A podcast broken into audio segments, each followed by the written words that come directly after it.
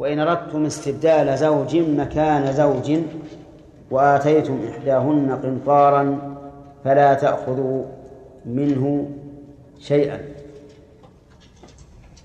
إن أردتم يعني اخترتم فالإرادة هنا بمعنى المشيئة والاختيار. وقول استبدال زوج يعني أخذ زوج مكان زوج. يعني أردتم أن أن تطلقوا الزوجة الأولى وتأخذوا بدلا عنها زوجة جديدة. وآتيتم إحداهن قنطارا. إحداهن. الأولى أو الثانية؟ إحداهن. الآية مبهمة. الآية مبهمة. لكن ما دام ما دام الأمر فيه بدل فإن المبدل منه هو الأولى. يعني وآتيتم إحداهن وهي الأولى. على أنه يصح أن يكون للثانية بأن يتزوج ثانية ولكن لا يرغب فيها ويريد أن يطلقها فتكون الآية عامة لهذا ولهذا. وقول آتيتم بمد الهمزة بمعنى أعطيتم أما قصر الهمزة أتيتم فهو بمعنى جئتم. وآتيتم إحداهن قنطارا. آتيتم بمعنى أعطيتم تنصب مفعولين ليس أصلهما المبتدأ والخبر. وفي هذه الآية المفعول الأول إحداهن والثاني قنطارا. فإذا قال قائل ما هي العلامة على أنها نصبت ما ليس بمبتدأ ولا خبر؟ قلنا العلامة أنه إن صح الإخبار بالثاني عن الأول فأصلهما المبتدأ والخبر وإن لم يصح فليس أصلهما المبتدأ والخبر. فهن فهنا لو قال هن قنطار يصح؟ لا يصح. نعم. وآتيتم إحداهن قنطارا فلا تأخذوا منه شيئا. ألف هذه رابطة للجواب. وإنما ربط الجواب بالفاء لأنه طلب. لا تأخذ ولا, ولا ناهية. والدليل على أنها ناهية جزم الفعل. وإذا وقعت وإذا وقع الجواب جملة طلبية وجب اقترانه بالفاء. ونظم في ذلك بيت من الشعر ينشده لنا. نعم. نعم.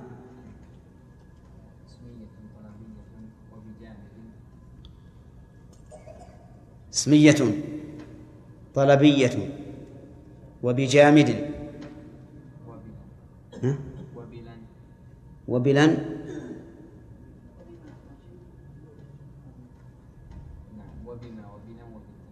وبما. وبلن. وبالتنفيس. قاصر. عبد الله. تمام. هنا فلا تأخذوا من باب إيش؟ طلبية. فلا تأخذوا منه أم أي مما آتيتموهن شيئا. شيئا نكرة في ساق النهي. تعم القليل والكثير.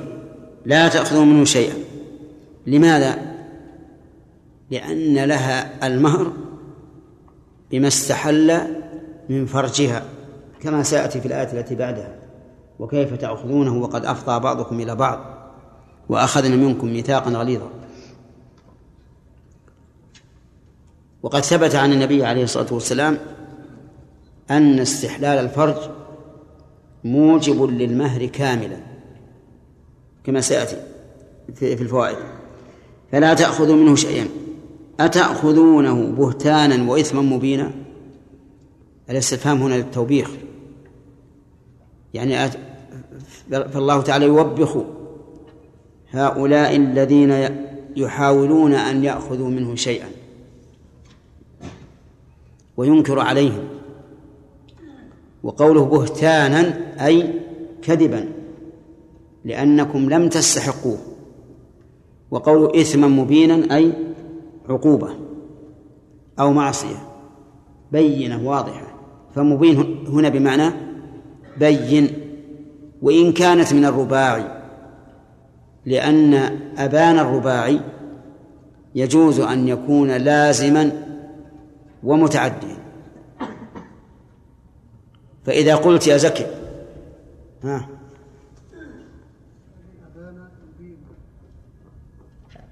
نريد مثال للازم ومثال للمتعدي.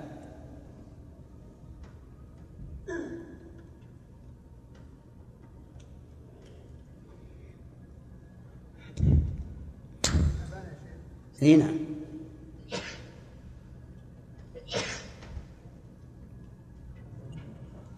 أبان مدرس المسألة. هذه وش متعدي ولا لازم؟ لا متعدي. متعدي. أبان المدرس المسألة. ومن اللازم حجاج؟ أي؟ أي بان وظهر. طيب. هنا. وإثما مبينا. من من أبان اللازم أو المتعدي؟ من أبان اللازم. أي إثما بينا. ثم قال وكيف تأخذونه وقد أفضى بعضكم إلى بعض؟ كيف هذه استفهام للتعجب والإنكار؟ وقوله وقد أفضى بعضكم الجملة هنا في موضع نصب على الحال. يعني والحال أنه قد أفضى بعضكم إلى بعض. أي انتهى. بعضكم إلى بعض بما لا ينتهي إليه إلا الزوج وأخذنا منكم ميثاقا غليظا. نعم أخذنا.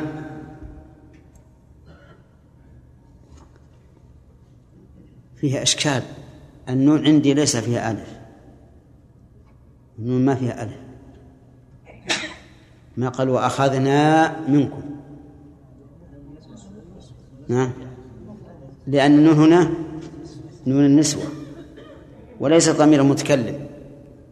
لو كان ضمير متكلم لكان وأخذنا طيب أخذنا أي النسوة منكم ميثاقا غليظا وهنا في أشكال من جهة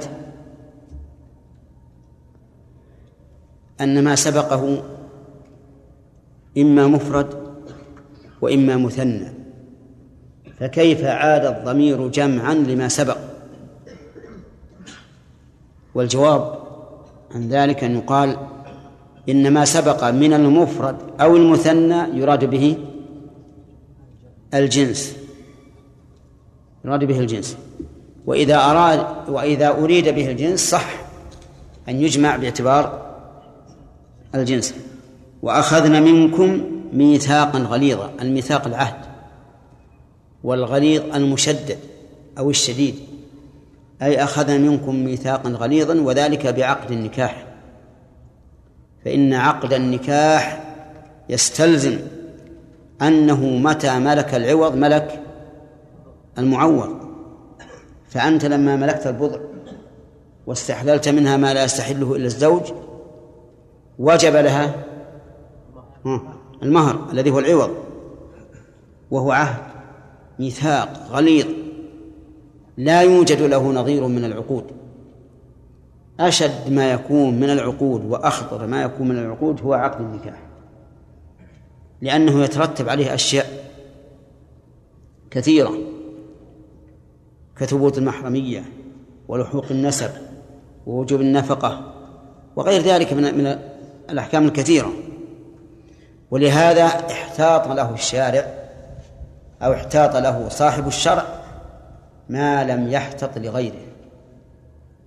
فلا بد فيه من ولي. لا تستقل به المرأة بنفسها. مع أن بيع مالها ولو كثر إيش؟ تستقل به إذا كانت المكلفة رشيدة. ولا بد فيه من شهود عند كثير من أهل العلم. وعقد البيع لا يجب فيه الشهادة. ولا بد فيه من الخلو من الموانع. وبقية العقود قد قد تنعقد مع مانع لكن يأتم. أما هذا فلا. ثم عند التحلل منه وفسخه. هل هو كغير من العقود؟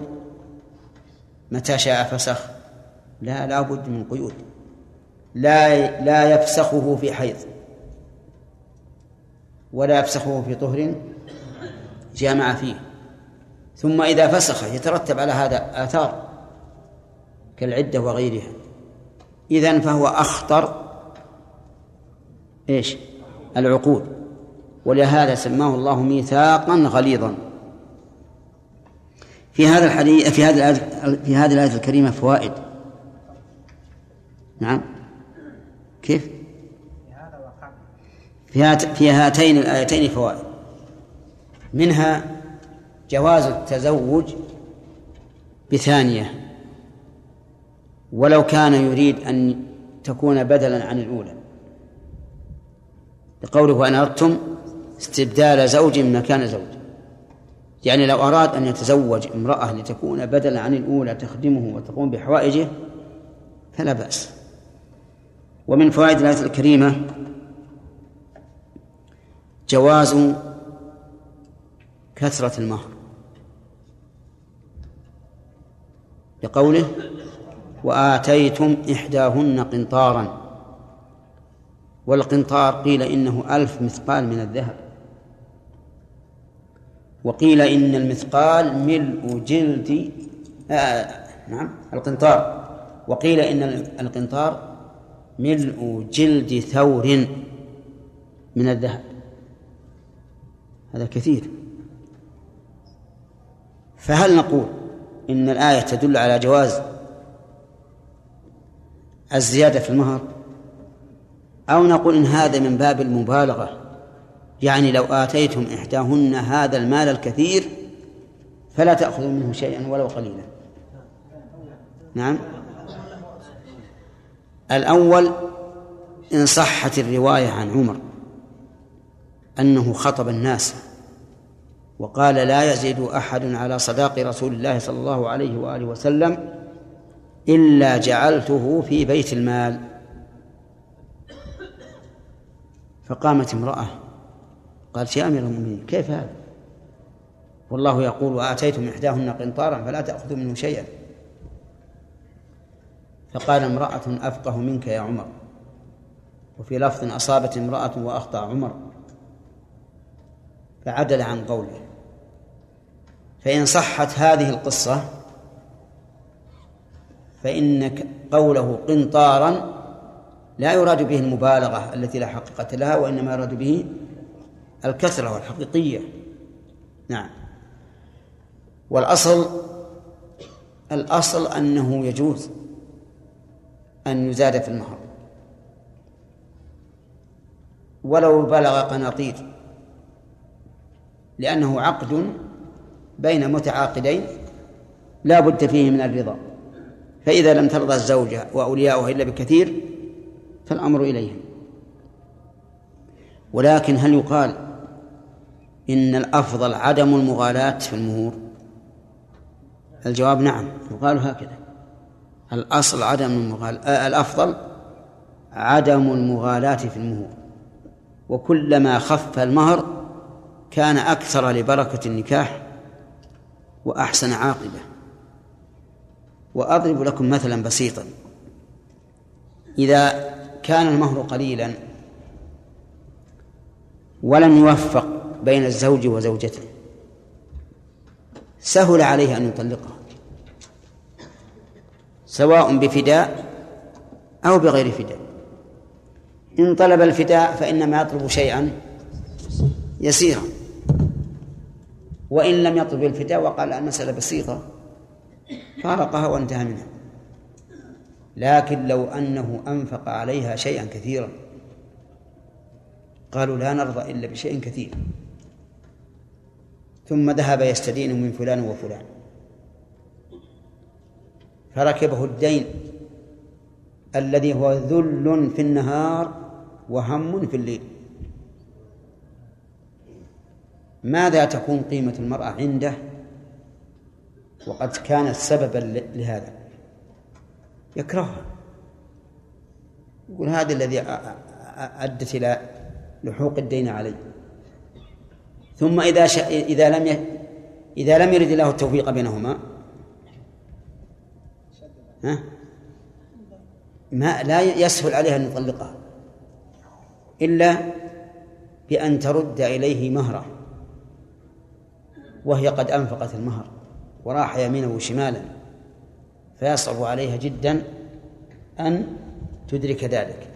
ولهذا لا شك أن فوائد تقليل المهر كثيرة. ولهذا جاء في الحديث أعظم النكاح بركة أيسره مؤونة.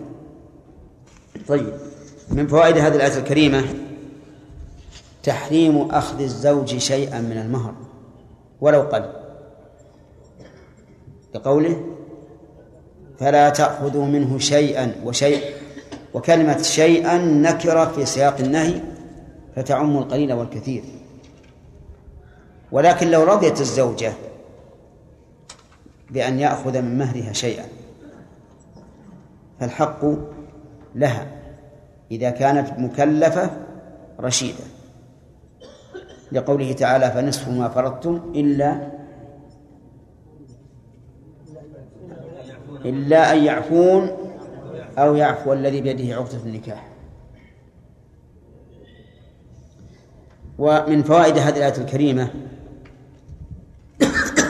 الإنكار الشديد على من أخذ شيئا من مهر امرأته لا بغير رضاها لقوله أتأخذونه بهتانا وإثما مبينا وكيف تأخذونه؟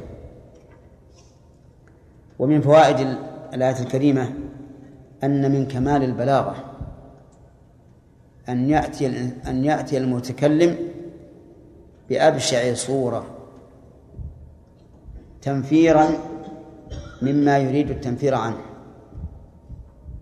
بقوله وكيف تأخذونه وقد أفضى بعضكم إلى بعض والعقل يقتضي أنه مع هذا الإفضاء يرجع كل من من المتعاقدين إلى ما كان عليه فالمرأة ترجع بمهرها والزوج قد جاءه عوضه وهو استحلال فرجها. ومن فوائد هذه الآية الكريمة الإشارة الإشارة إلى ستر ما بين الزوجين. لقوله وقد أفضى بعضكم إلى بعض. وهذا الإفضاء معروف.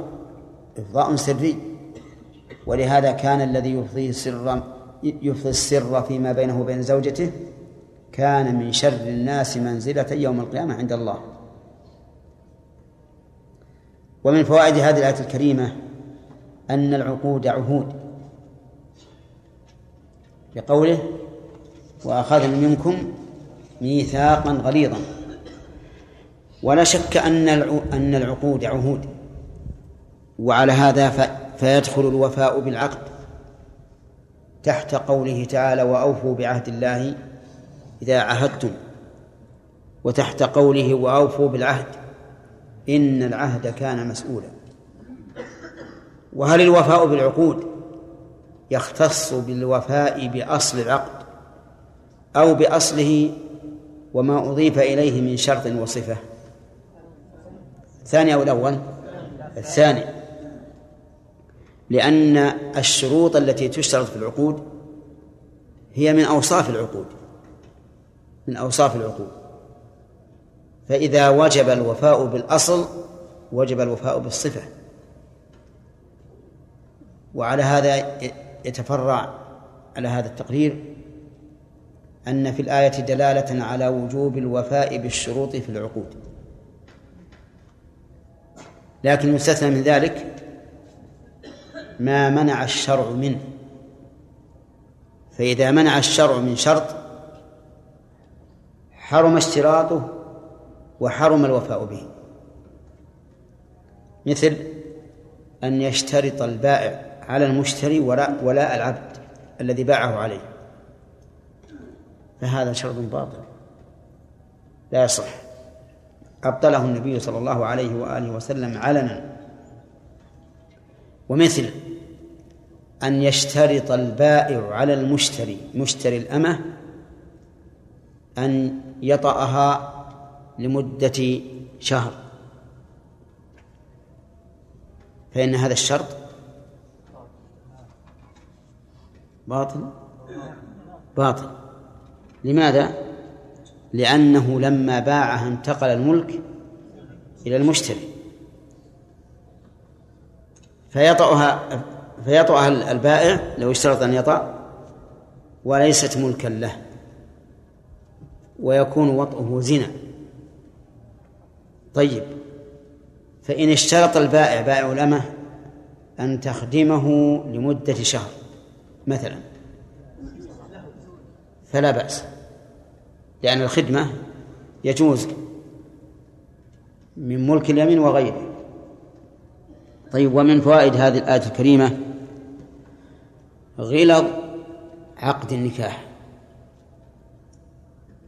وأنه عقد يجب أن يهتم به لقوله وأخذن منكم ميثاقا غليظا. ويدل على على هذا قوله تعالى في الطلاق يا أيها النبي إذا طلقتم النساء فطلقوهن لعدتهن وأحصوا العدة. يعني اضبطوها. اضبطوها بإيش؟ بالحساب. لكن لماذا لم يقل بالحساب؟ لأن من عادتهم أن يضبطوا الشيء بالحصى. بالحصى. إذا جاء القوم وجدهم أخذ حصى بعددهم من أجل الضبط. وعلى هذا جاء قول الشاعر ولست بالأكثر منهم حصى. وإنما العزة للكاثر كيف أكثر منهم حصى؟ كثرة الحصى فيها فائدة؟ ها؟ أي نعم. الحصى الذي يعرف به عدد القبيلة إذا كانت كثيرة فيه فائدة. ولهذا قال وإنما العزة للكاثر يعني لمن يكثر غيره ويفوق غيره في الكثرة. طيب إذن نقول إن هذه الآية الكريمة تفيد خطر عقد النكاح وأهميته وأنه يجب أن يعتنى به ويحتفظ به وبشروطه وكل ما يلزم فيه حتى لا يقع الإشكال بين الرجل وزوجته ويحصل أمور لا تحمد عقباها. ثم قال تعالى ولا تنكحوا ما نكح آباءكم من النساء. عبد الله؟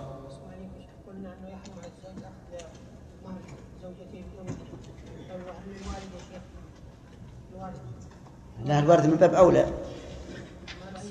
أبدا ليس له أي حق. نعم يحرم ما حق مال الزوجة الله إليكم ما رأيكم فيما له بعض الناس دفع في أول مهر 10000 ريال إذا إيش؟ إذا دفع 10000 ريال نعم ثم إذا رأى أنه قد توفق مع المرأة أعطاها الباقي 40000 ولا 30000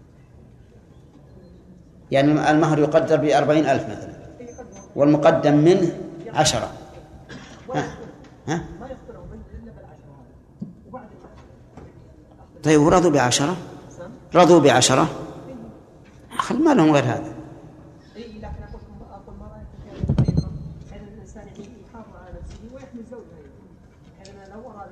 لكن لو أجي أمهم وأقول هذا المهر عشرة آلاف ريال. ما قبلوا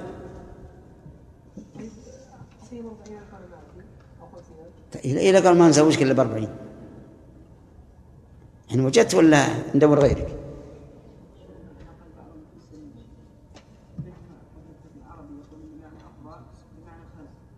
خلأ. نعم.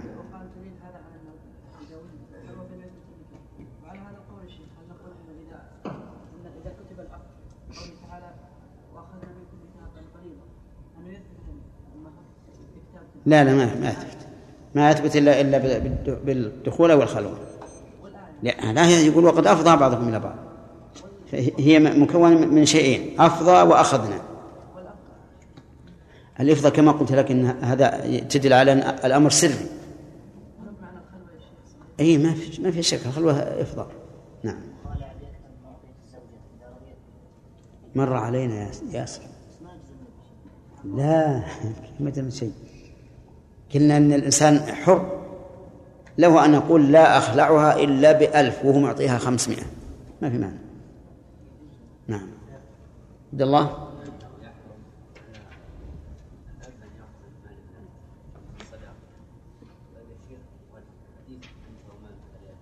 أحسن. تمام. هذا لا يعارض ما قلنا. يقول لا يعارض ما ذك ما قلنا. لأن شرط الأب شيئا من من المهر. ليس هو أن يأخذ من من بنته إذا ملكت المهر. إذا ملكت المهر ودخل في المكان يأخذ يأخذ منه.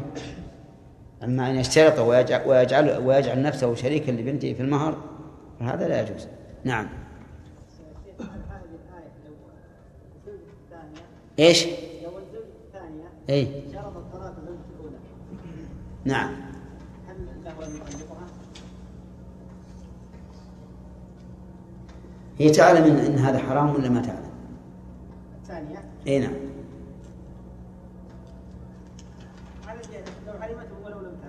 لأن لأن إذا علمت أن هذا حرام فهي آثمة.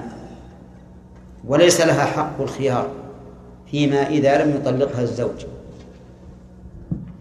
عرفت؟ أجبني.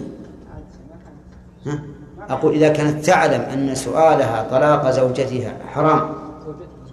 زوجته قصد. زوجته حرام. فإنها لا حق لها في هذا الشرط. وهي آثمة أيضا. عرفت؟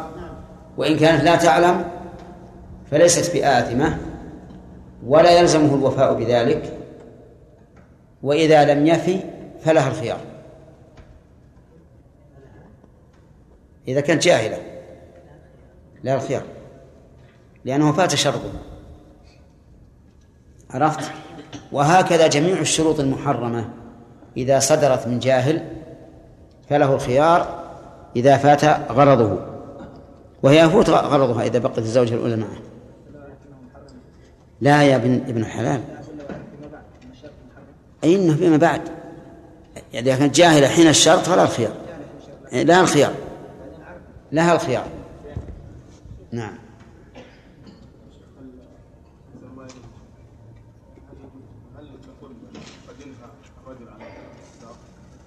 إيش؟ لا يقال هذا خلاف السنة خلاف الأفضل. نعم.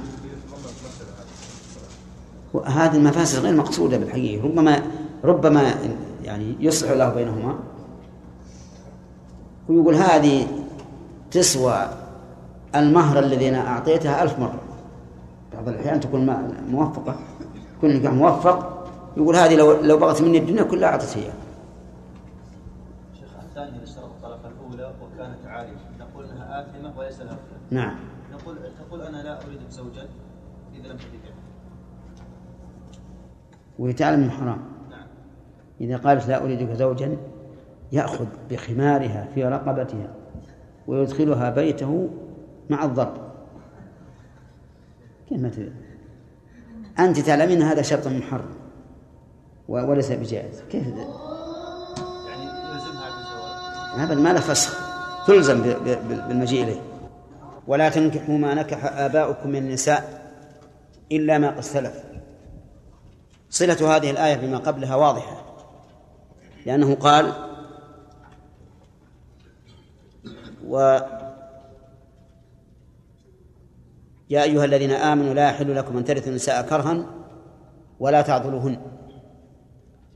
ومن جملة النساء من جملة النساء زوجات الآباء. التي يخلف التي يخلفها الأب بعد موته. فبين الله عز وجل أن زوجات الآباء حرام لا تحل. قال ولا تنكحوا ما نكح آباؤكم من النساء. ما نكح. النكاح في القرآن الكريم يطلق على العقد يطلق على العقد. لأنه يقع على أجنبية وهو إذا وقع على أجنبية فالمراد به العقد. أما إذا وقع على زوجة الإنسان فالمراد به الوضع فإذا قيل نكح زوجته فهو الوطء وإذا قيل نكح بنت فلان فهو العقد. ويبقى عندنا إشكال في هذه المسألة وهي قوله تعالى فإن وهو قوله تعالى فإن طلقها فلا تحل له من بعد حتى تنكح زوجا غيره. فقال حتى تنكح زوجا غيره. فهل المراد بالنكاح هنا العقد أو أن المراد به الجماع؟ الثاني لأن هناك قرينة تدل على ذلك وهو وهو قوله حتى تنكح زوجا غيره. ولا ولا يمكن أن يصدق عليه أنه زوج إلا إلا بعقد. ولهذا لا بد أن يكون عقد صحيحا حتى تتحقق الزوجية.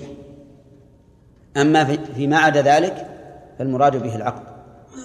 مثل قوله تعالى ولا تنكحوا المشركات حتى يؤمن ولا تنكحوا المشركين حتى يؤمنوا. وقوله ما نكح آباؤكم. بناء على ما قررناه يكون المراد بما نكح الآباء العقد أي بما عقدوا عليهن سواء حصل الدخول أم لم يحصل وسواء حصل الوطء أم لم يحصل. وقوله آباؤكم جمع أب وهو شامل للأب الأدنى ومن فوقه وهم الأجداد. وشامل للجد من قبل الأب ومن قبل ومن قبل الأم. وذلك لأن النكاح يكفي في تحريمه أدنى ملابسة. بخلاف الإرث والنفقات فإنه في باب الإرث والنفقات لا يدخل في الآباء الأجداد من جهة الأم. لكن في باب النكاح يدخل. وذلك لأنه يكتفى فيه بأدنى ملابسة. أرأيتم الرضاع مثلا؟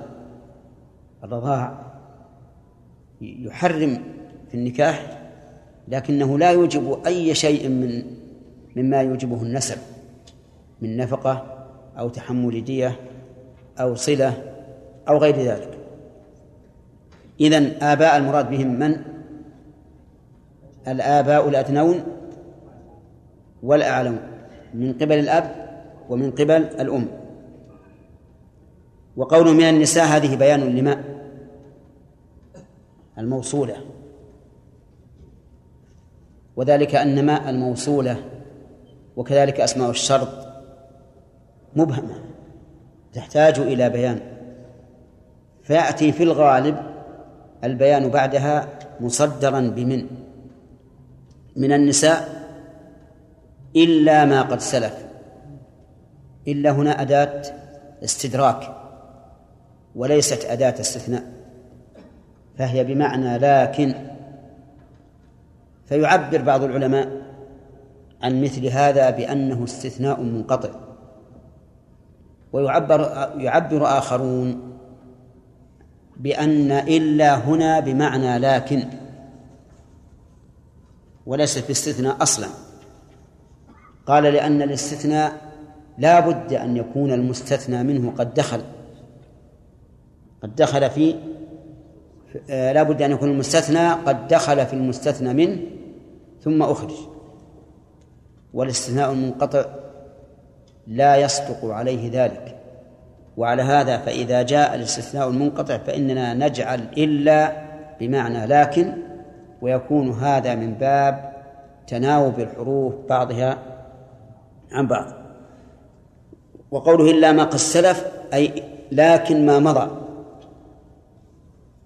فإنه لا حرج عليكم فيه ولا يلحقكم فيه الإثم. فإن قال قائل ما قد سلف لن يلحقهم الإثم فيه لأن الحكم لم يقرر. بعد. فكيف استدرك؟ وقال إلا ما قد سلف. فالجواب والعلم عند الله عز وجل أنه لما كان عقد النكاح أخطر العقود وأشدها. استثنى ما سلف لئلا يظن الظان أن ما سلف ينسحب عليه الحكم. ينسحب عليه الحكم الذي ثبت أخيرا. فكأنه قال لا تنكحوا ما نكح آباؤكم النساء وقد عفى الله عما سلف. وقد عفى الله عما سلف. ليتطمئن النفوس. وليس يعني ذلك أن ما سلف من العقد يبقى ويقر عليه الإنسان. بل يجب فسخه. والتفريق بين بين الإنسان والزوجة التي هي زوجة أبيه. لأن لأن هذا التحريم باقي. لم يزل وصفه. وسيأتي إن شاء الله في في أثناء الكلام على الفوائد تفصيل ذلك. ثم قال إنه كان فاحشة ومقتا وساء سبيلا. إنه الضمير يعود على المصدر المفهوم من قوله لا تنكحوا. أي إن نكاحكم. والضمير قد يعود على المصدر المفهوم من الفعل لدلالة السياق عليه. كما في قوله تعالى اعدلوا هو أقرب للتقوى هو أي العدل. المفهوم من كلمة اعدلوا. فقول إنه أي نكاحكم أي نكاحكم ما نكح آباؤكم كان فاحشة. والآن؟ كان فاحشة. والآن؟ والآن. فعلى هذا تكون كان هنا مسلوبة الزمان جاءت لتحقق هذا. لأن كان إذا سلبت الزمان صارت التحقيق. إذن نقول هذه كقوله تعالى إن الله كان غفورا رحيما. ليس المعنى كان فيما مضى ولكن ثبت ثبوتا قطعيا أنه غفور رحيم. هنا نقول كان فاحشة ومقتا وساء سبيلا أي ثبت فحشه. وقول فاحشة أي في نفسه. ومقتا أي عند الله. فنكاح ما نكح الآباء من النساء فاحشة في نفسه. تستفحشه العقول والشرع. وهو أيضا مقت والمقت أشد البغض كما قال أهل العلم. كبر مقتا عند الله أن تقولوا ما لا تفعلون أي كبر بغضا. فالمقت أشد البغض وساء سبيلا. ساء فعل ماضي من أنواع الأفعال الشتوية؟ الشتوية. نعم. يعني الجامدة. هو جامد.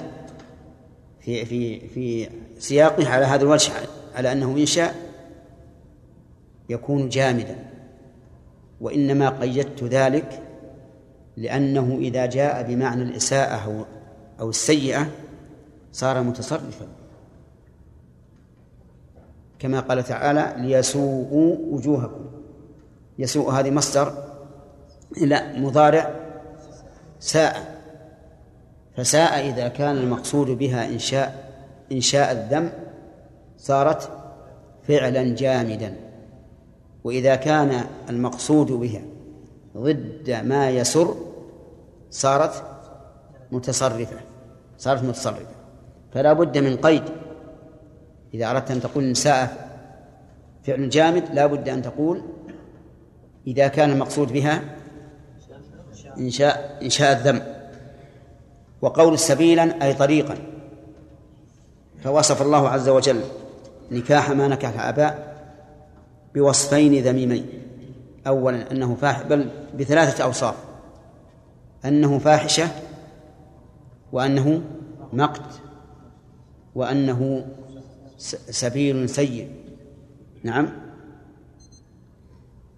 في هذه الآية فوائد. نعم.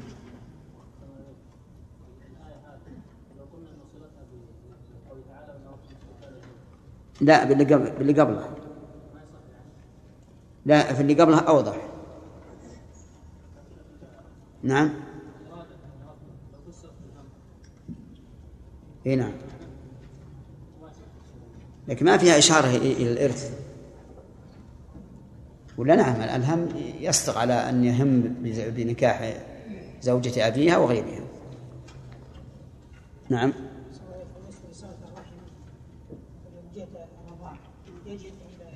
لا.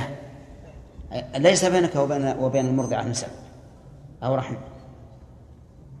ليس بينكما رحم حتى يجب تجب الصلة. نعم.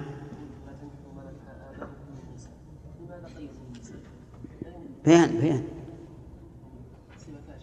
إي نعم. نعم. إيش؟ القول السديد أقول قول سديد ما هو القول السديد؟ القول السديد الصواب. الذي حل محله وهو ما وافق الحكمة. نعم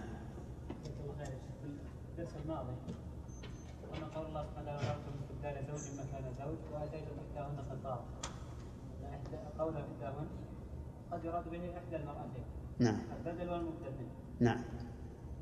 ولكن يا شيخ قوله أردتم استبدال زوج هذا يفهم منه أن الأولى يعني طلقها فارقها. طلقها فارقها. نعم. يجوز أن يراد الثانية وهي البدل؟ نعم. ربما تسوء العشرة بينهما. ذكرنا هذا. قلنا رب هنا نعم ربما تسوء ربما تسوي العشرة بينهما. فيريد أن يطلقها ويستبدلها بزوجة ثالثة. لا لها معنى. كيف؟ ليش ما ليش ما له معنى؟ كان السياق منصب على الأولى. أبدا لأن الله لو كان الأولى لصرح الله به. فإذا قال إحداهن لولا أن لها فائدة وهي أنه من هذه ومن هذه ما جاء التعبير بهذا نعم.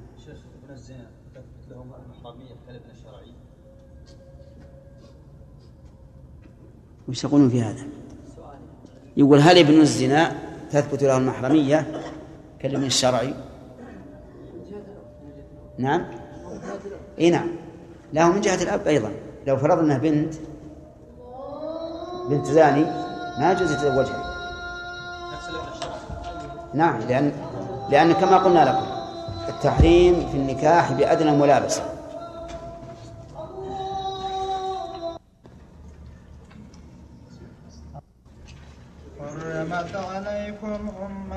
أمهاتكم وبناتكم وأخواتكم وعماتكم وخالاتكم وبنات الأخ وبنات الأخت وأمهاتكم اللاتي أرضعنكم وأخواتكم من الرضاعة وأمهات نسائكم وربائبكم وربائبكم بالضم. ربائبكم بالضم ربائبكم اللاتي في حجوركم من من نسائكم اللاتي اللاتي دخلتم بهن فإن لم تكونوا دخلتم بهن. اكسر المكيف. فإن لم تكونوا دخلتم ولا سكر؟ فلا جناح عليكم. وحلائل أبنائكم الذي من الذين الذين الذين. وحلائل أبنائكم الذين من أصلابكم وأن تجمعوا بين الأختين إلا ما قد سلف إن الله كان غفورا رحيما سبحانه. أعوذ بالله من الشيطان الرجيم. قال الله تعالى ولا تنكحوا ما نكح آباؤكم من النساء إلا ما قد سلف. إنه كان فاحشة ومقتا وساء سبيلا. ما المراد بالنكاح في قوله ولا تنكحوا يعني لا تتزوجوا ما تزوجه آباؤكم. بالعقد طيب قوله ما نكح آباؤكم. ما هذه إعرابها؟ اسم يعني لا تتزوجوا ما تزوجه آباؤكم. بالعقد. طيب. قوله ما نكح آباؤكم. ما هذه إعرابها؟ اسم موصول بمعنى الذي. لو أورد علينا مورد إشكالا وهو أن ما لغير العاقل. فكيف قال من؟ فكيف قال ما والمراد بها من؟ نعم. تكثير؟ لا. خالد؟ نقول قال الله في هذه السورة فانكحوا إيش؟ ما طاب لكم النساء. طيب. إنما تأتي بمعنى من؟ لا سيما إذا كان الملاحظ الوصف لأن الغالب أن الإنسان يتزوج المرأة لوصفها. طيب. قوله تعالى آباؤكم هل هل هم الأدنون أم مطلقا؟ الأخ. إيه. أنت. الأدنون ولا الأدنون والأعلون؟ الأدنون أو الأدنون والأعلون. الأد... الأعلون دون الأدنون؟ الأدنين؟ آه أحسنت. إذن هذا وهذا. الأدنى والأعلى. طيب. هل المراد من كان من جهة الأب؟ آباؤكم من جهة الأب أو مطلقا؟ من جهة الأب والأم؟ من جهة الأب. وأما من جهة الأم؟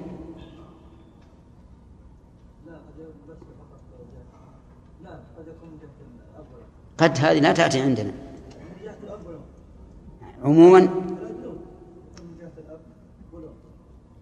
يعني جده من جهة أمه. إذا تزوج امرأة لا يحل له أن يتزوجها؟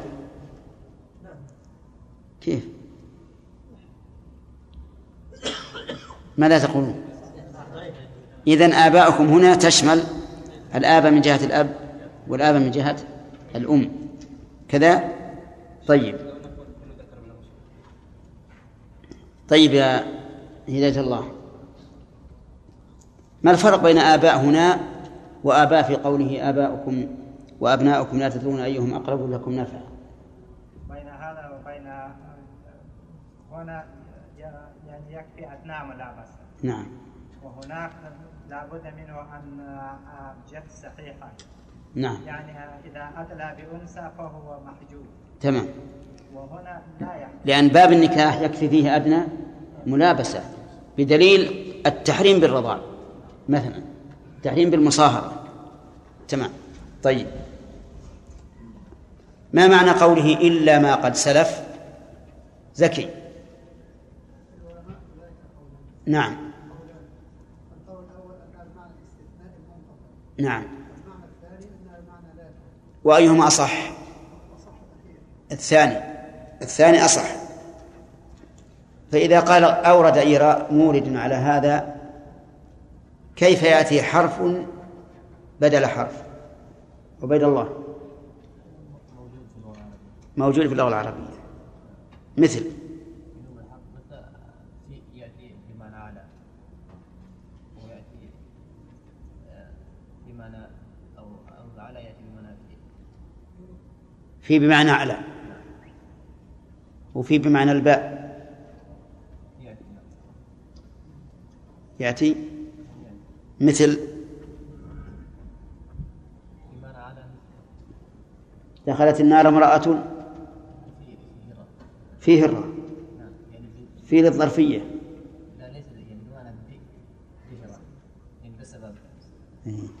بمعنى الباء. طيب.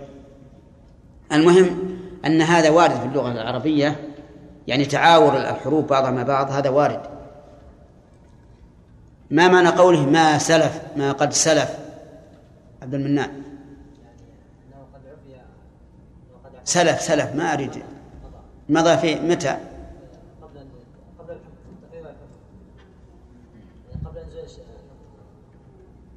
يعني في الجاهلية. طيب. ما وجه الاستثناء هنا أو الاستدراك خالد؟ إلا ما قد سلف يعني لأن ما قد سلف معفون عنه ولا يمكن يرجع. فما وجه الاستدراك؟ يبين أن هذا الحكم هو الذي ثبت أخيرا. ها؟ يبين أن هذا الحكم هو الذي ثبت أخيرا. لا. لا ما السؤال يعني. السؤال ما وجه قوله إلا ما قد سلف ولكن يعني ما قد سلف قد عفى الله عنه طيب ما هذا معروف إنه معفون عنه. كل اللي في الجاهلية معفون عنه لأن ما ما تقررت الشرائع حتى لا يظن أحد أن ما سلف داخل نعم. فيلحقهم حرج في ذلك. لأن هذا مستقبح. مستقبل مستقبح حتى في النفوس السليمة. نعم. عندك شيء؟ ها.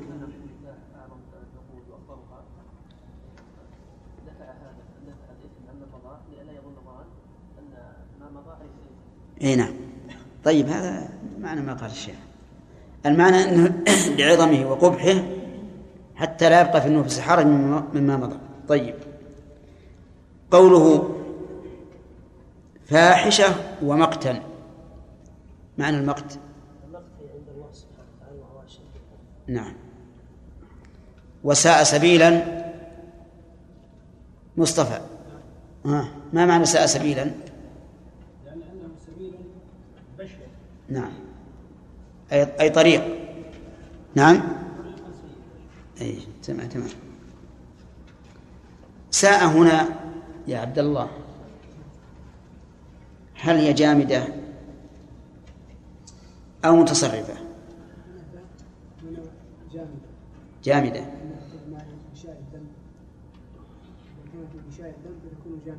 نعم. أما إذا كانت مع الساءة السيئة فإنها تكون إنسان طيب هل لك دليل في أنها تتصرف إذا كانت بمعنى الإساءة أو شاهد من القرآن؟ لا.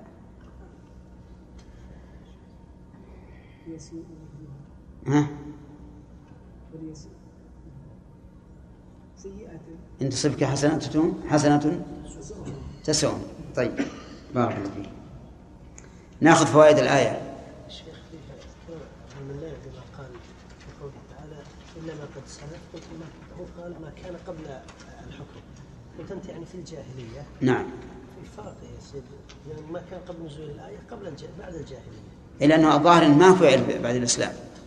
ولهذا كل العلماء يعبرون في الجاهلية. يعني ما وجد بعد الإسلام عقل. الظاهر ما وجد. لأن العلماء يعبرون ما سلف في الجاهلية. نعم نقول من فوائد هذه الآية الكريمة تحريم نكاح من نكحه الآباء الأدنون والأبعدون. لقوله ولا تنكحوا ما نكح آباؤكم من النساء. ومن فوائدها أنه لو وقع هذا العقد لكان فاسدا.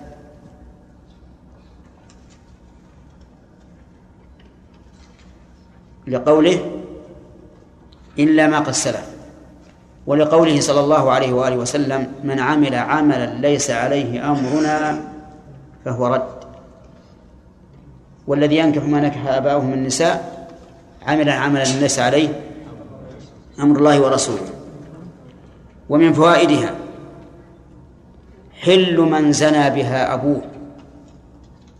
حل من زنى بها أبوه. من أين يؤخذ؟ ما نكح آباؤه والزنا ليس نكاحا. خلافا للمشهور عند الحنابلة من أن موطوءة الأب ولو بزنا حرام على الابن. فإن هذا لا لا دليل عليه. بل الدليل على خلافه. في قوله تعالى وأحل لكم ما وراء ذلكم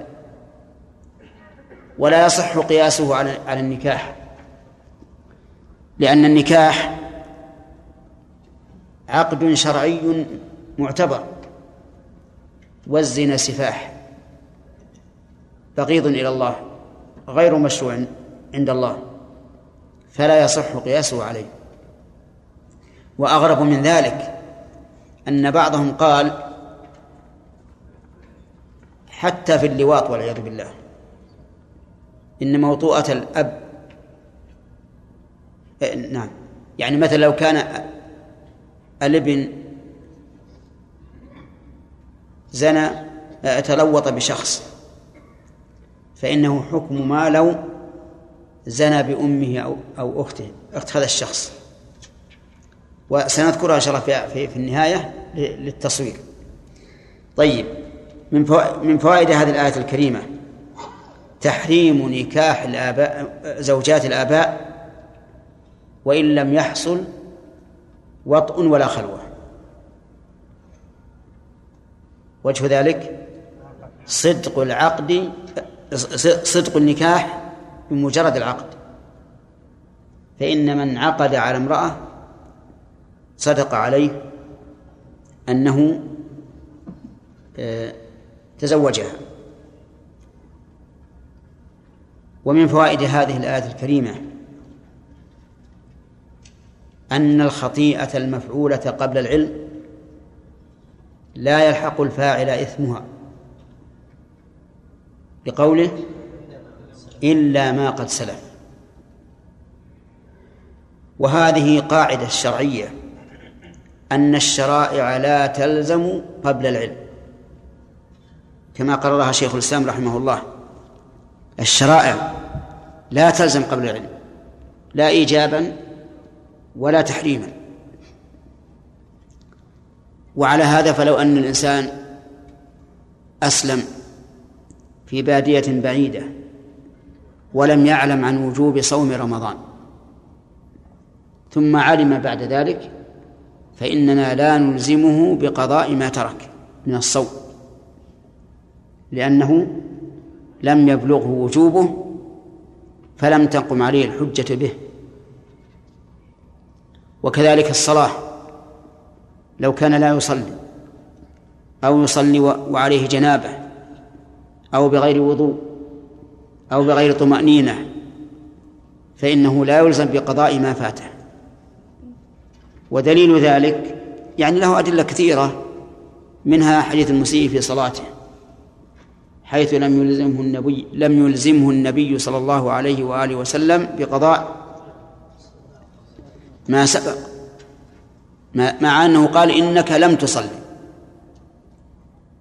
وإنما أمره بإعادة الصلاة الحاضرة لأنه مطالب بها في الوقت.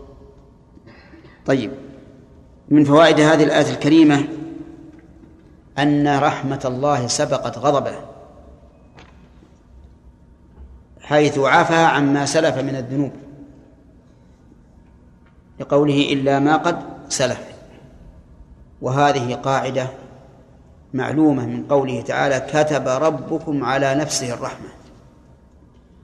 ومن قوله تعالى في الكتاب الذي كتبه عنده تحت العرش أو فوق العرش إن رحمتي سبقت غضبي. وبه وينبني على هذه القاعدة أن العفو أقرب إلى السلامة من العقوبة.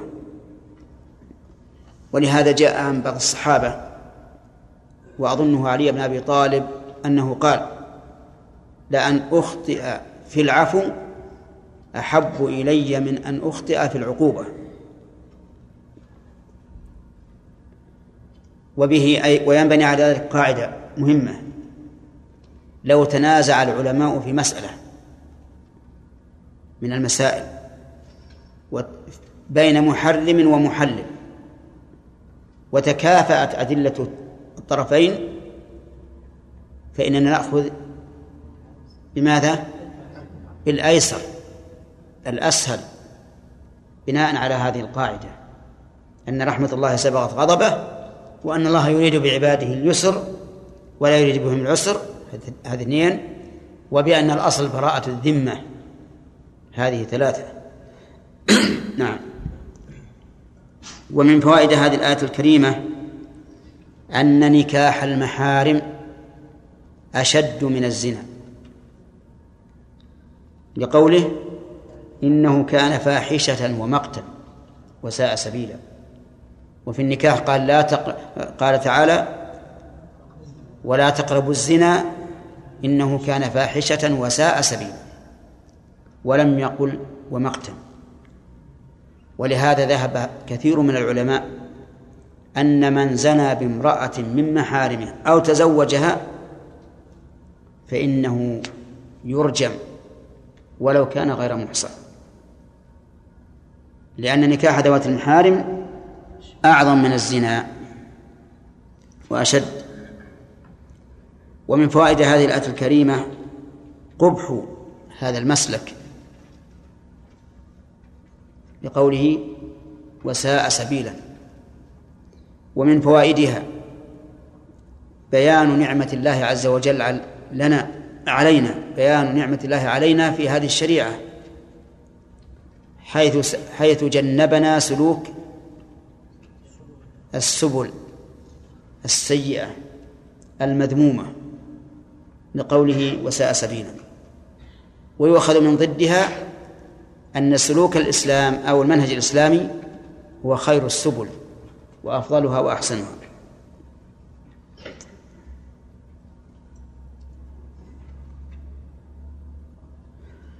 المسألة التي ذكرت لكم مسألة اللواط أن بعض العلماء قال اللواط يجري مجرى النكاح.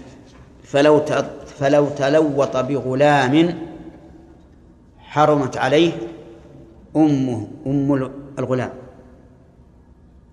وحرم عليه بنت الغلام. وهذا لا شك أنه خطأ خطأ عظيم. فالحاصل أن أن الصواب في هذه المسألة أنه لا تحرم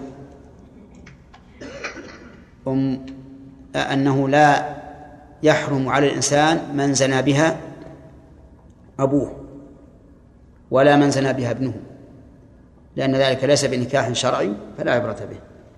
ثم قال الله تعالى حرمت عليكم أمهاتكم. حرمت. من المحرم؟ الله عز وجل. وحذف الفاعل للعلم به. وأصل الحرام في اللغة المنع. ومنه حريم البئر. وهو ما حولها مما يكون حماية لها. ويمنع غير مالكها من تملكه. فأصل الحرام في اللغة المنع. أي منعت أو منعتم من أمهاتكم. حرمت عليكم أمهاتكم. وأمهات جمع أم أو أمها ويقال في جمع أم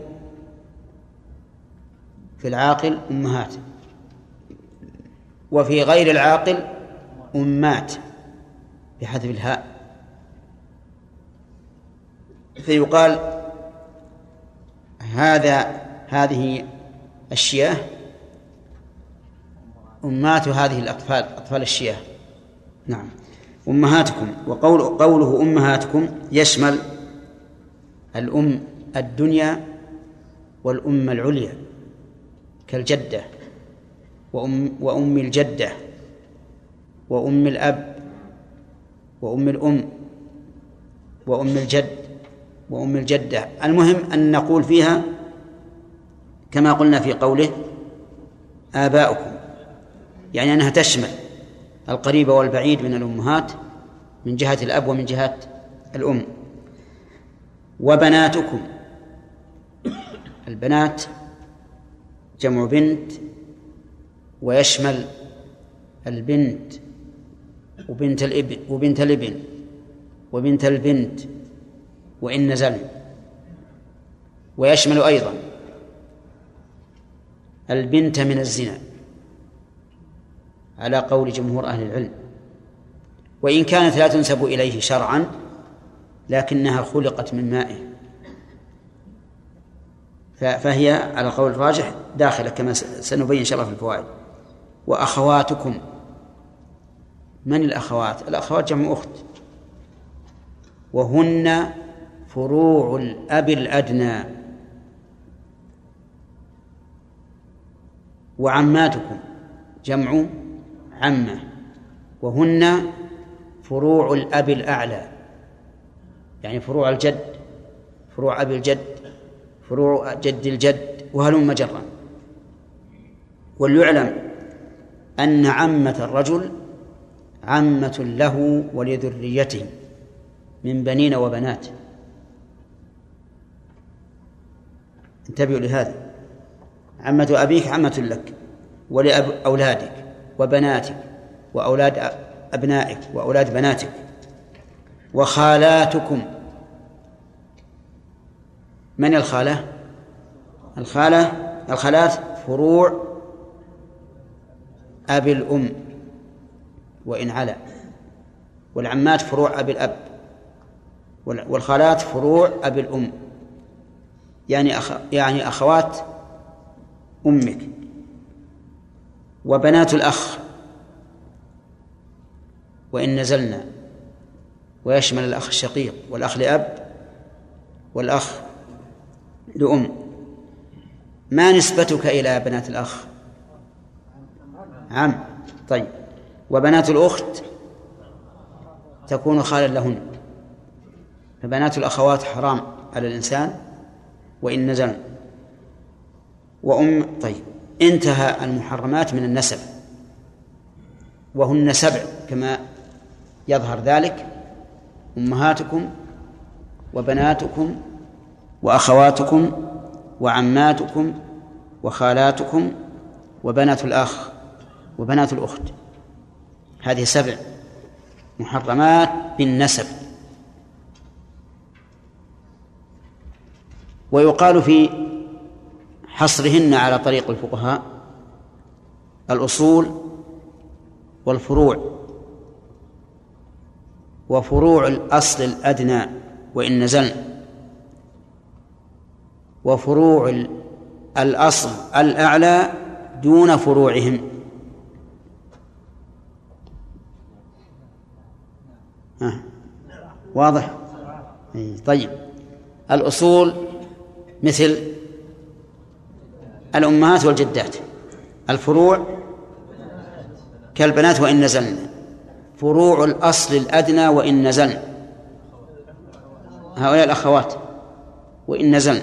بنات الأخوات. فروع الأصل الأعلى لصلبهم خاصة. العمات والخالات. نعم. لكن لصلبهم خاصة يعني دون من نزل. فبنت العمة مثلا حلال بنت الخالة حلال. هذا على طريق الفقهاء. أما على طريق العد الذي هو أفصح شيء وهو كلام الله عز وجل فلا يحتاج إلى كبير تأمل. لا يحتاج إلى كبير تأمل. ولذلك لو تقول للعامي يحرم عليك نكاح الأم والبنت والأخت والعمة والخالة وبنت الأخ وبنت الأخت ذهب ها؟ واضح. نعم مطمئنا متضحا له الأمر. لكن لو تقول يحرم عليك الأصول والفروع قال وش الأصول والفروع؟ نعم. وفروع الأصل الأدنى وإن نزلنا. وفروع الأصل الأعلى لصلبهم خاصة دون من نزل. قال هذا شيء معقد. ذهب يطلب ترجمة لهذا الشيء. ولذلك سبحان الله العظيم. القرآن أبلغ شيء. مهما كان مهما تكلم أحد في بلاغته فإن القرآن أبلغ منه وأوضح وأبين. نعم. ثم قال عز وجل وأمهاتكم اللاتي أرضعنكم. هذا صنف آخر. لأن المحرمات أصناف. بالنسب بالرضاع بالمصاهرة. فيقول هنا وأمهاتكم اللاتي أرضعنكم. أمهاتكم اللاتي أرضعنكم والرضاع معروف وهو امتصاص الثدي أو امتصاص الرضيع للثدي. وهو امتصاص الرضيع للثدي. أو إسقاؤه إياه بعد انفصاله عن الثدي. كما لو جعل في فنجال أو في ثدي صناعي أو ما أشبه ذلك. وقولها اللاتي أرضعنكم كلمة أرضع فعل والفعل في الأصل للإطلاق والإطلاق يصدق بمرة واحدة. فإذا قلت مثلا ضربت كم؟ يصدق بمرة واحدة. إذا أرضعنكم يصدق بمرة واحدة أي برضعة واحدة. وأمهاتكم اللاتي أرضعنكم فالآية تدل على أن الرضاع على أن مطلق الرضاع يثبت به التحريم. وسيأتي إن شاء الله في الفوائد بيان أن السنة قيدت ذلك. طيب يقول وأم وأخواتكم من الرضاعة. من الأخوات من الرضاعة؟ هن بنات المرأة التي أرضعتك وبنات زوجها. صح؟ الأخوات من الرضاعة. بنات المرأة التي أرضعتك وبنات زوجها. منها أو من غيرها. منها أو من غيرها. هن بنات المرأة التي أرضعتك. صح؟ وبنات زوجها. صح ولا لا؟ صحيح. لكن بناتك بنا... نعم. بنات الزوجة التي أرضعتك. وبنات زوجها. لأن بنات زوجها يكن أخوات من أب. وبنات التي أرضعتك. أخوات لك من الأب والأم يعني شقائق أو من الأم. لأنها قد ترضعك بلبن زيد ولها بنات من من عمر. فتكون بناتها من عمر أخوات لك من من الأم. المهم أن قوله أخواتكم من الرضاعة يشمل الشقيقة شقيقات واللاتي لأب واللاتي لأم. واضح؟ لا واضح ما في ملاحظات. طيب متى يكون شقيقات؟ إذا أرضعتك من لبن أبيهن. إذا أرضعتك من لبن أبيهن صرنا شقيقات. ومتى يكون لأب؟ إذا كان للزوج الذي أرضعتك بلبنه بنات من بنات من غيرها من غير التي أرضعتك. لأن أب لأن الأب واحد. هذا أبوك من الرضاعة وأبوها هؤلاء النساء من النسب ومتى يكون أخوات من أم؟ إذا كان لها بنات من غير الزوج الذي أرضعتك وهي بحباله. يكن أخوات لك من من الأم. المهم أن أخواتكم من الرضاعة يشمل الشقيقات أو لأب أو لأم. وهل يشمل من تقدم؟ يعني مثلا إذا رضعت مع الطفل المسمى محمدا ولها ابن قبله آه نعم ولها بنت قبله اسمها فاطمة هل تتزوجها أو لا؟ لا تتزوجها لأنها أختك أختك من الرضاعة. طيب وش انه لابد ان يكون اللبن منه فاذا كان من غيره فابناؤه ليسوا اخوانا له كيف لا لا من غيره؟ الزوجة إذا كانت ارضعته من لبن رجل قبله. نعم. فابناء هذا الزوج ليسوا إخوانا له. إيه معلوم. ما هي ما هذه مسافة هذه؟ ما يصيروا إخوة. هل هل هؤلاء إخوة؟ ما هم إخوة.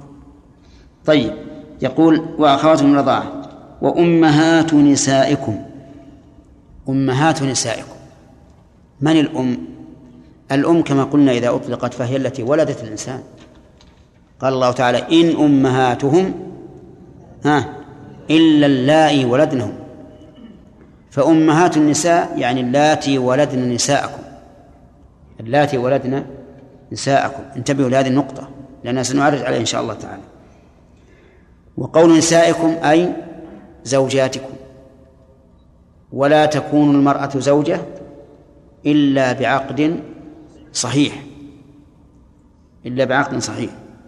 فلا بد من أن تكون أن يكون عقد صحيحا ومن هنا ابتدأ الصنف الثالث المحرمات بإيش؟ بالمصاهرة طيب أمهات نسائكم ما من من يعني بأمهات النساء؟ اللاتي ولدنهن ما هو الدليل على هذا؟ قوله تعالى إن أمهاتهم إلا اللائي ولدنهم طيب. نساء قلنا لابد أن يكون النكاح صحيحا. لأنه إذا لم يكن صحيحا لم تكن المرأة من نسائه. فلا تكون من النساء إلا بعد صحة العقد. وربائبكم اللاتي في حجوركم. ربائب جمع ربيبة كصحائف جمع صحيفة. طيب وربائبكم اللاتي في حجوركم من نسائكم اللاتي دخلتم بهن. فكلمة اللاتي في حجوركم صفة لربائب. ومن نسائكم اللاتي دخلتم بهن بيان لها. يعني الربائب من هؤلاء النساء اللاتي دخلتم بهن. ومن نسائكم يعني زوجاتكم. اللاتي عقدتم عليهن عقدا صحيحا إذ لا تكون المرأة من نساء الرجل إلا بعقد صحيح. اللاتي دخلتم بهن اللاتي هنا صفة لقوله من نسائكم اللاتي دخلتم بهن. والمراد بالدخول بهن الجماع. المراد بالدخول بهن الجماع دون الخلوة. وهنا نفرق بين الدخول الذي هو الجماع وبين الخلوة. فالخلوة الخلوة, الخلوة لا تؤثر. طيب. الربائب ذكر الله فيهن قيدين. القيد الأول أن تكون في حجر الإنسان. فيتزوج امرأة ولها بنت من غيره ويضم البنت مع الأم تكون عنده. هذه في حجر القيد الثاني أن تكون المرأة قد دخل بها الزوج أي جامعها. فهل هذان القيدان معتبران؟ أو أحدهما هو المعتبر؟ فيها في هذا خلاف بين العلماء. فالجمهور على أن القيد الأول غير معتبر. وهو قوله اللاتي في حجوركم. وأن هذا بناء على الأغلب. أو بيان أو بيانا للحكمة من التحريم. وهي أنها في حجرك فتكون كبنتك. والقول الثاني ما القول الثاني أن القيد الأول غير معتبر. أن القول الثاني أن القيد الأول غير معتبر وهو رأي الجمهور. يعني معناه أن بنت الزوجة حرام عليك سواء كانت في حجرك أم لم تكن واستدلوا لذلك بقوله تعالى فإن لم تكونوا دخلتم بهن فلا جناح عليكم. حيث صرح بمفهوم القيد الثاني وسكت عن مفهوم القيد الأول. فدل هذا على أن القيد الأول غير معتبر لأن الله سكت عنه. ولو كان معتبرا لقال فإن لم تكونوا دخلتم بهن أو لم يكن في حجوركم فلا جناح عليكم. ولما سكت عن هذا علم أنه قيد ليس بمعتبر ولكنه إما للغالب أو لبيان الحكمة.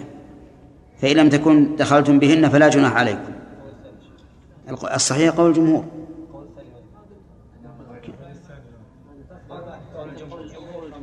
طيب ذكرنا القول الثاني.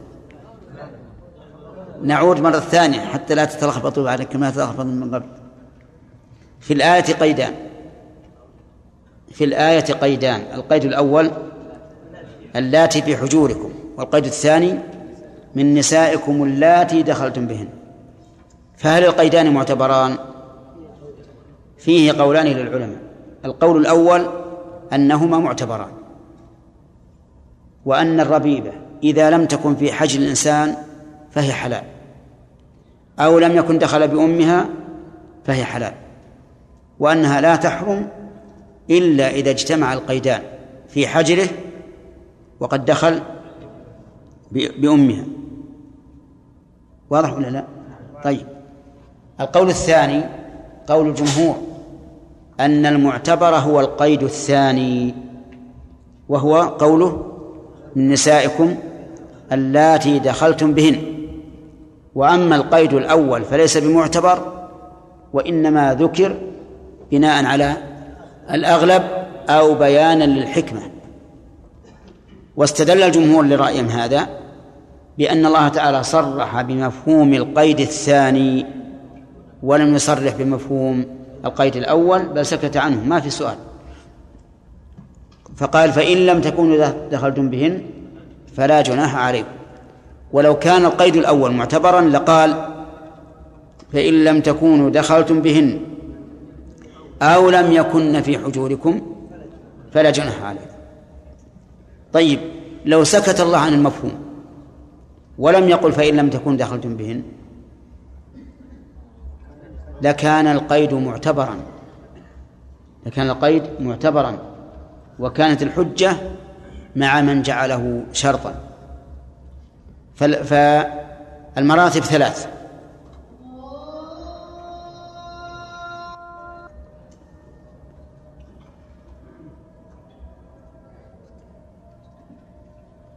المراتب ثلاث. لا الأول أن يقال ربائبكم اللاتي في حجور الأولى أن يقال ربائبكم اللاتي في حجوركم من نسائكم اللاتي دخلتم بهن. فإن لم يكن في حجوركم أو لم تدخلوا بأمهاتهن فلا جناح عليكم. ففي هذه المرتبة يكون القيدان معتبرين لا شك. ثانية أن يقول أن يقال وربائبكم اللاتي في حجوركم من نسائكم اللاتي دخلتم بهن وحلائل أبنائكم. فهنا القيدان معتبران. الثالثة أن كما في الآية الآن أن يقول وربائبكم اللاتي في حجوركم من نسائكم اللاتي دخلتم بهن فإن لم تكونوا دخلتم بهن فلا جناح عليكم. فهذا يؤذن بأن القيد الثاني معتبر والقيد والقيد الأول غير معتبر وهذا هو رأي الجمهور وهو الصحيح. والله أعلم. نكمل ما في أسئلة. يعني أفضل من نعم. نعم. ذكر رحمه الله أنه كان يصلي في اليوم 300 ركعة ويعني ذكر شيء كثير عن من في كثرة نعم؟ نوافق بينهما أولا نطالب بتصحيح النقل أنه يصلي 300 ركعة ركعة في اليوم. هذه واحدة. لأن هذا بعيد. وثانيا لو صح فهو يمكن فعله في يوم من الأيام رأى نفسه خاوية عن التعلق بالله وما أشبه ذلك ففعله.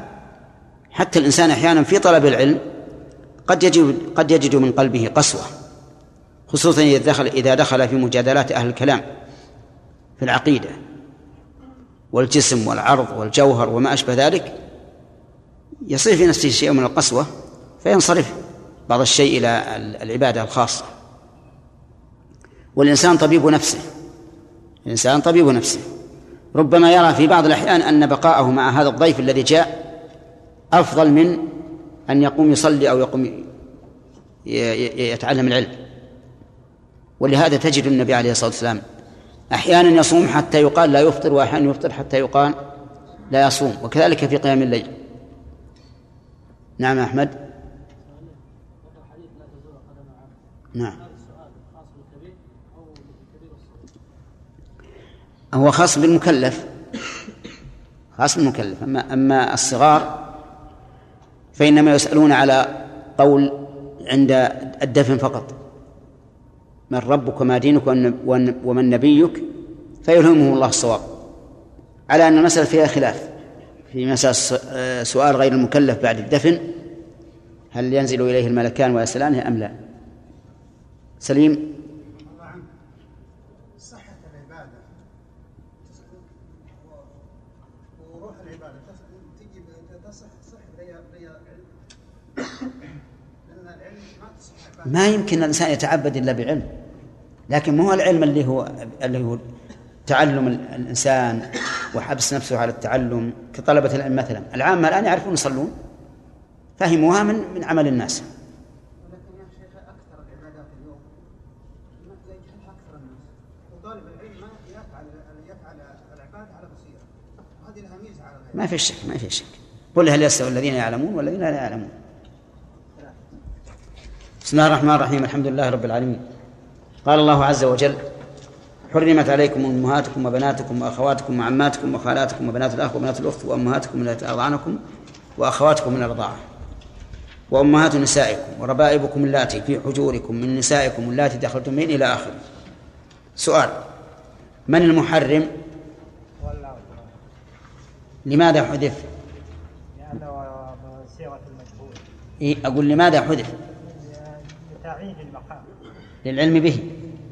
كقوله وخلق الإنسان ضعيفا. فالأمور الشرعية قد تكون بالصيغة المجهول كحرمت وكذلك الأمور الكونية مثل خلق. طيب من المراد بالأمهات هنا؟ أنت عبد الله هي.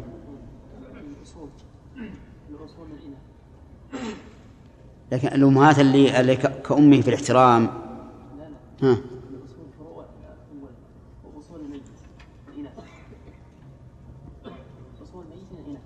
إيه لكن من؟ إذا قال أم أم. إيه لكن أم إذا قال أم. من هي؟ إيه من؟ التي؟ التي ولدته طيب. ما الدليل على أن الأم يراد بها التي ولدته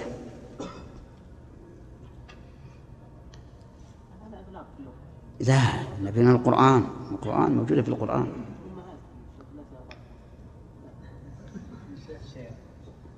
لا أصل هو يمكن غابت عنه. حرفت. خالد؟ إن أمهاتهم إلا اللائي ولدنا. طيب. هل تشمل الأم هنا الجدة وإن علت؟ الأخ. أي نعم. تشمل. وهل تشمل من جاءت من قبل الأب والأم أو من قبل الأب فقط؟ طيب. صحيح. ذكرنا قاعدة أن عمة الإنسان عمة له ولذريته إلى يوم القيامة. سواء كانت ذرية متفرعة من إناث أو متفرعة من ذكور. نعم. صحيح؟ والخالة؟ والأخت لا الأخت لا كيف الأخت أقوى صلة به؟ ولو ها وش تكون الأخت؟ الأخت تكون خالة خالة فقط؟ تكون عمة تكون عمة فقط؟ نعم عمة وخالة عمة أو خالة؟ عمة إذا كانت أخت الأب وخالة إذا كانت أخت الأم وش يقولون هذا؟ صحيح؟ ها؟ يقول عمة إذا كانت أخت الأب وخالة إذا كانت أخت الأم. صحيح؟ أي نعم صحيح. لا صحيح ما في شيء طيب. آه، المحرمات بالنسب بناء على ذلك كم؟ نعم. يعني بالقرابة. القرابة إيش الأصول كم؟ كم؟ أنا أقول عدد. ما هو ضوابط؟ الجد والأب. كيف الجد؟ الجد هو يتزوج الواحد. أقول من من المحرمات بالنسب؟ كم عددهن؟ نعم. وأخواتكم.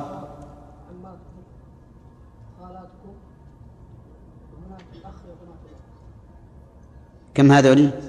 سبع. تمام. هذه محرمات بالنسب. قواعدها عند الفقهاء. حجاج. ها؟ قواعدها السبع هذه عند الفقهاء. الفقهاء قعدوها أو جعلوها ضوابط. وش قالوا؟